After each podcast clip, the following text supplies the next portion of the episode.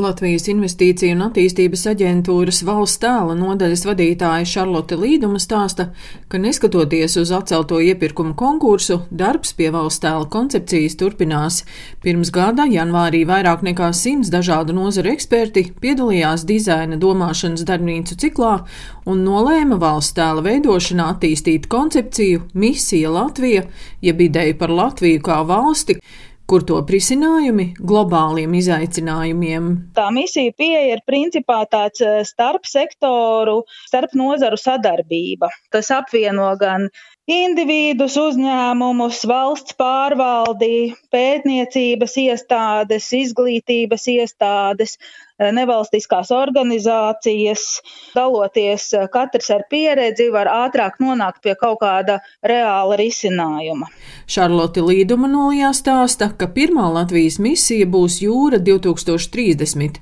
Tās ietvaros tiks veidoti stāsti par inovācijām un projektiem ūdens resursu jomā. Tā kā tas valsts tēla mērķis ir veicināt valsts ekonomisko attīstību un piesaistīt investīcijas, tad mēs gribam kļūt interesanti starptautiskā mērogā. Mēs varam būt interesanti tad, ja mēs piedāvājam kaut kādus risinājumus problēmām, kurus arī saprot starptautiski. Ūdens, kas ir droši vien visnepieciešamākā lieta bez skābekļa. Līdz ar to mēs esam izvēlējušies šo nišu. Viens no tādiem pirmajiem projektiem - digitālais dvīnis. Tas ir tāds digitāls prototyps Baltijas jūrai. Tas būs tāds datu kopums, ar kura palīdzību ir iespējams Piemēram, ja Daugavā iekļūst fosfori, tad pētīt digitāli, kā tas ietekmētu Baltijas jūru, lai zinātu, kādos gadījumos kas varētu sagaidīt vidi tādās situācijās. Komunikācijas stratēģis Zigurds Zaķis vērtē, ka valsts tēla veidošana ir process, kas nepārtraukt attīstās un no saukļiem, skaistiem vārdiem un kampaņām jāvirzās uz darbiem. Vēlme Eh, kas bija vērojama visā pasaulē, piemēram, pagājušā gadsimta nogalē, izmantot kaut kādus vienkāršotus biznesa instrumentus, piemēram, zīmolvedību valstu stratēģijā, kas eh, jau nu, šobrīd ir praktiski pierādīts, ka uh, ir salīdzinoši lielākoties tomēr neefektīvi. Viņiem ir sava vieta atkal biznesa uzdevumos, atsevišķi varbūt nozaru virzīšanā, kā turisma, bet kopumā valsts ir pārāk sarežģīts instruments. Otrais ir fokus uz uh, rīcību maiņu. Šajā gadījumā visas valsts pārvaldes iesaiste tādā visplašākajā nozīmē. Uh, bet tas vēl ir tāls ceļš ejams, un kopumā šobrīd pasaulē, gan valstis, gan lielie uzņēmumi virzās projām no vienkārši tādas radošu triku izmantošanas vai kampaņošanas uz tādu mērtiecīgu, sistemātisku darbu. Valsts tēla veidošanas mērķis ir veicināt Latvijas starptautisko atpazīstamību dažādās jomās, arī ekonomikā.